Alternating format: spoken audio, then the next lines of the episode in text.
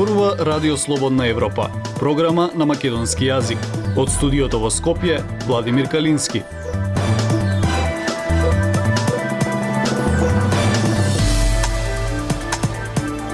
Почитување следите емисијата на Радио Слободна Европа. Протестите за покачување на пензиите се проширија во Свети Николе и Тетово. Во земјава се вклучени домашни актери за засилување на руската пропаганда – Единствениот случај за демнење во земјава се уште не е стигнат до судење. Слушајте не. Сакате да знаете повеќе? Наша веб страница slobodnaevropa.mk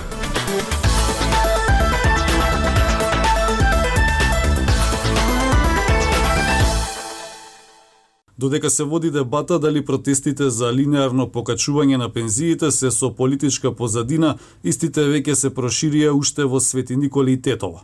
Пензионерите кои протестираат бараат линеарно наместо најавеното процентуално покачување на пензиите, известува Михајло Донев. Протестите на пензионерите се проширија во повеќе градови. Почнаа во Прилеп, каде незадоволните пензионери побараа линеарно покачување на пензиите од 3500 денари, наместо најавеното покачување од 600 во септември. Денеска десетици пензионери излегоа на протест со истите барања во Тетово и Свети Николе, а минатата недела имаше протести во Штип, Кочани, Куманово и Велес. Пензионерката Вера Стојанова од Штип за Радио Слободна Европа вели дека процентуалното покачување на пензиите мора да се замени со линеарно, бидејќи вели, јазот помеѓу оние кои земаат најниски и највисоки пензии е многу голем. Никако процентуално. Јас сум само за линеарно покачување на пензиите. Процентуалното покачување толку не оддалечи едни од други, што тој што зема 10.000 ќе зема 11.000, додека оние што земаат 50.000 ќе земаат 60.000 денари, вели Стојанова. Таа додава и дека утре ќе има нов протест на пензионери од Штип, каде тие одново ќе го искажат своето незадоволство од најавеното процентуално покачување. Сојузот на Сдружение на пензионери останува на ставот против линарното покачување на пензиите. На денешниот состанок на извршниот одбор на Сојузот било заклучено дека Сојузот ќе ги решава барањата на пензионерите по институционален пат и во контакт со државните органи. Во сообштението по состанокот се подсетува дека со покачувањето од 8% во април и најавеното од 6% во септември, пензиите годинава ќе се зголемат за околу 15%. Сојузот на Сдружение на пензионери го поддржува барањето за покачување на висината на минималната пензија и подготви предлог кој ќе биде доставен до Министерството за труд и социјални работи, се вели во сообштението на Сојузот. Согласно најавеното покачување на пензиите од 600 за септември, најголемо покачување од 1620 денари ќе добијат користиците на воена пензија, додека најниско покачување на пензиите ќе добијат земјоделците 588 денари. Покринив, согласно новата методологија, користиците на старосна пензија ќе добијат покачување од 1233 денари, додека покачувањето на инвалидската пензија ќе, изнесува 1018 денари. Според последните ажурирани податоци на страната на Министерството за труд и социјална политика од април 2023 година, корисници на воена пензија се вкупно 850 лица, додека само 56 лица се корисници на земјоделска пензија. Приматели на инвалидска пензија се вкупно 27.701 лице, кои треба да добијат покачување од 1018 денари, додека најголемиот дел од пензионерите, односно оние кои се во категорија на просечна старосна пензија, 230.631 лице, ќе добијат плюс 1233 денари. Бидете наш гостин и посетете ја. Слободнаевропа.мк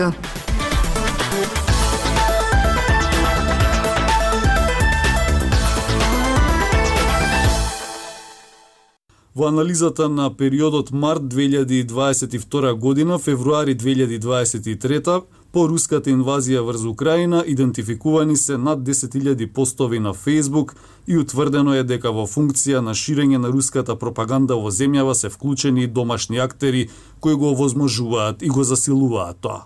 Емил Златков Социјалната мрежа Facebook е еден од центрите во кои се развиени и се координираат мрежи кои ја засилуваат руската пропаганда, дезинформациите и манипулациите со информации во Северна Македонија. Во тој центар забележено е масовно пренесување и присуство на представници на Кремљ. Ова го покажува студијата една година од руската агресија врз Украина, изработена од граѓанската асоциација Мост, а во која се анализираат руската пропаганда, влијание и дезинформации во Северна Македонија по почетокот на руската инвазија врз Украина во периодот март 2022 февруари 2023 Во оваа студија, која е прва ваква во земјава и во регионот, биле анализирани и идентификувани над 10.000 постови на Facebook во овој контекст и утврдено е дека во функција на ширење на руската пропаганда во земјава се вклучени и домашни актери, кои го возможуваат и засилуваат тоа или ги пренесуваат пораките. Овие мрежи прокламираат екстремно десничарска и националистичка идеологија, со што придонесуваат за промовирање на националистичка, ксенофобична и нелиберална содржина која создава поделби. Ваквото координирано масовно ширење ги манипулира алгоритмите на социјалните медиуми и може да придонесе за ситуација во која наративите се искачуваат повисоко на обштествената агенда, а во одредени случаи допираат дури и до мејнстрим медиумите објасни Росана Алексоска, уредничка на студијата на Мост. Објавите се постови или споделување на содржини, статии, видеа или ставови од руски политичари, поддржувачи на политиката на Кремљ или антизападно ориентирани политичари, здружени и организации. Според авторите на студијата, од ваквата ситуација може да се извадат два заклучока – Руската пропаганда и дезинформација го зголемија својот обсек, што придонесува за поголема изложеност на корисниците на онлайн медиумите и Facebook во Северна Македонија. Во студијата биле детектирани најмалку 79 Facebook страници или групи, кои биле вклучени во координирано масовно ширење или амплификација на содржините на Facebook. Студијата ги именува сите 79 идентификувани профили на Facebook, именувајќи ги како анонимни Facebook страници и групи. Дел од нив се со имења кои алудираат на патриотизам, како на пример Македонија во срцето или Горди македонци. Потоа имења со верски презнак, верувам во Исус Христос, православна зедница, имиња од забавен карактер, како што се насмеј се или среќен живот, па дури и со имиња на популарни македонски личности, како Тоше Проевски, на пример. Во анализата на Мост се наведени и директни линкови до објави на Facebook од познати македонски јавни личности, медиуми и инфлуенсери, кои студијата во овој контекст на руско влијание ги нарекува домашни актери. Дайте ни 15 минути и ние ќе ви го дадеме светот. Слободна Европа.мк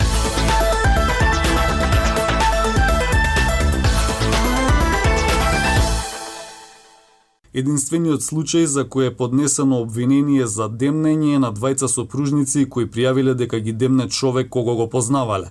Обвинителството го гони, но се уште не стигнал до судење. Казната е под парична до 5 години затвор. Кого можете да пријавите за демнење или кој е демнач? Анализа на Билјана Николовска. Секоја ситуација е уникатна и индивидуална, а ова е ново кривично дело кое жртвите треба да знаат да го препознаат и навреме да го пријават демначот. Ова е ставот на обвинителката Ана Гоговска Јакимовска од Скопското обвинителство, која го работи првиот предмет од кривично дело демнење во земјава. Новиот член 144а во кривичниот законник беше воведен во февруари годинава, како резултат на низата случаи на родово базирано насилство, кои се случуваа предходниот период.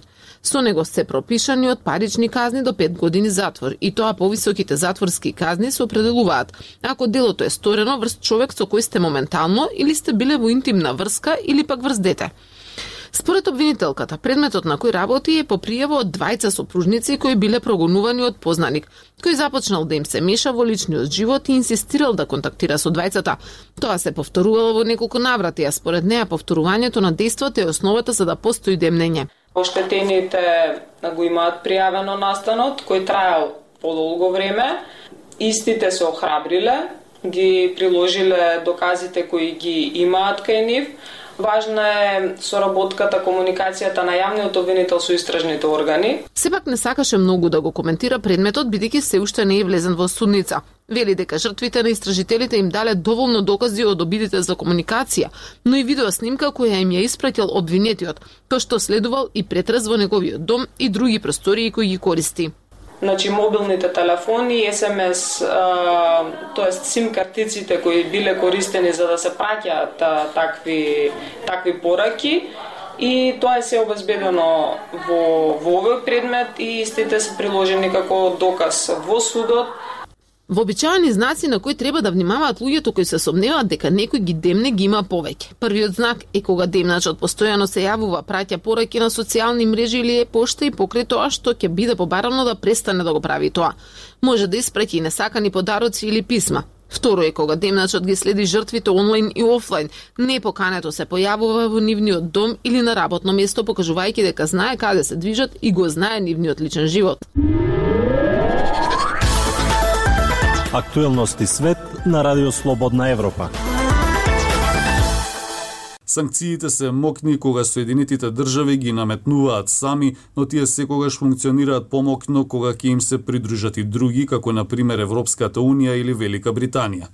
Ова за Радио Слободна Европа го изјави Џон Смит, адвокат и поранешен директор на Канцеларијата за контрола на странски имот при Министерството за финансии на САД.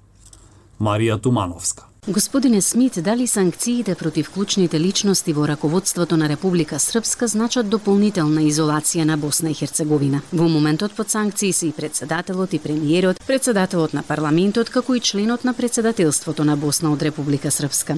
Токму така. Мислам дека американската влада се обидува да испрати јасна порека дека е загрижена за постапките на раководството на Република Српска и сака да ја изрази својата загриженост на овој начин. Да бидеме појасни, ова не значи дека самата Република Српска е одсечена од Соединетите држави, туку значи дека низините лидери се санкционирани и дека САД повеќе нема да дозволуваат никаков бизнис меѓу тие поединци и Соединетите држави. Тие значат дека секоја американска компанија или банка и искрено секоја сериозна глобална компанија, банка или друг субјект ќе размисли два пати пред да прави бизнис со вашата земја, бидејќи постои ризик од санкции, Дали овие санкции се насочени само кон поединци, а не кон институциите што ги водат? Санкциите секогаш имаат посилен ефект кога се наметнати од неколку различни власти. Се разбира, доколку Европската Унија и другите се приклучат се целосни санкции. Тие би имале значително поголемо влијание. Ово особено се однесува на Европската Унија, поради географските врски меѓу Унијата и Босна и Херцеговина. Колку според вас се успешни санкциите? Мислам дека санкциите имаат различни резултати во однос на успехот. Генерално на санкциите им треба долго време за да функционираат, а многумина често ги сметаат за неуспешни додека не успеат. Колку беа успешни американските санкции наменети за Русија? Одговорот е дека тие се успешни и не се успешни. Ако немате долгорочен став, ќе кажете дека председателот Путин и Русија се уште водат војна во Украина, борбите траат, а Путин вети дека ќе продолжи. Ако така гледаме на работите, санкциите не успеа да го попречат Путин во неговото деструктивно однесување кон Украина. Од друга страна, мислам дека без санкции, русите ќе имаа стотици милиарди долари повеќе за финансирање на нивните војни операции, а Украина може би досега ќе паднеше. Што треба да направат овие функционери или кои било други под санкции за да бидат одстранети нивните имиња од списокот? Како прво, секое лице може да го оспори тоа да биде санкционирано од Федералниот суд на САД и да се обиде да го убеди судот дека ОФАК нема доволно докази за да ги санкционира. Другиот начин е поединците доколку бидат санкционирани, веднаш да се обратат во ОФАК и да кажат во ред. Ме санкциониравте за оваа активност, нема да го повторам тоа се согласувам да го направам ова и ќе покажам докази дека треба да ми верувате кога ќе кажам дека го сменив моето однесување. Секоја година стотици луѓе се отстрануваат од списокот со ветување дека ќе го променат своето однесување, а потоа го докажуваат тоа. Трет начин на кој мињата може да се отстранат од списокот е доколку се развијат програмите за санкции. Ако САД одлуча дека повеќе не мора да воведуваат санкции за некого во Западен Балкан, Босна и Херцеговина или која е било друга правна држава, тогаш таа програма за санкции едноставно е прекината. Почитувани слушатели, тоа е се што ви подготвивме во оваа емисија. Од студиото во Скопје ве поздравуваат Владимир Калински и Дејан Балаловски.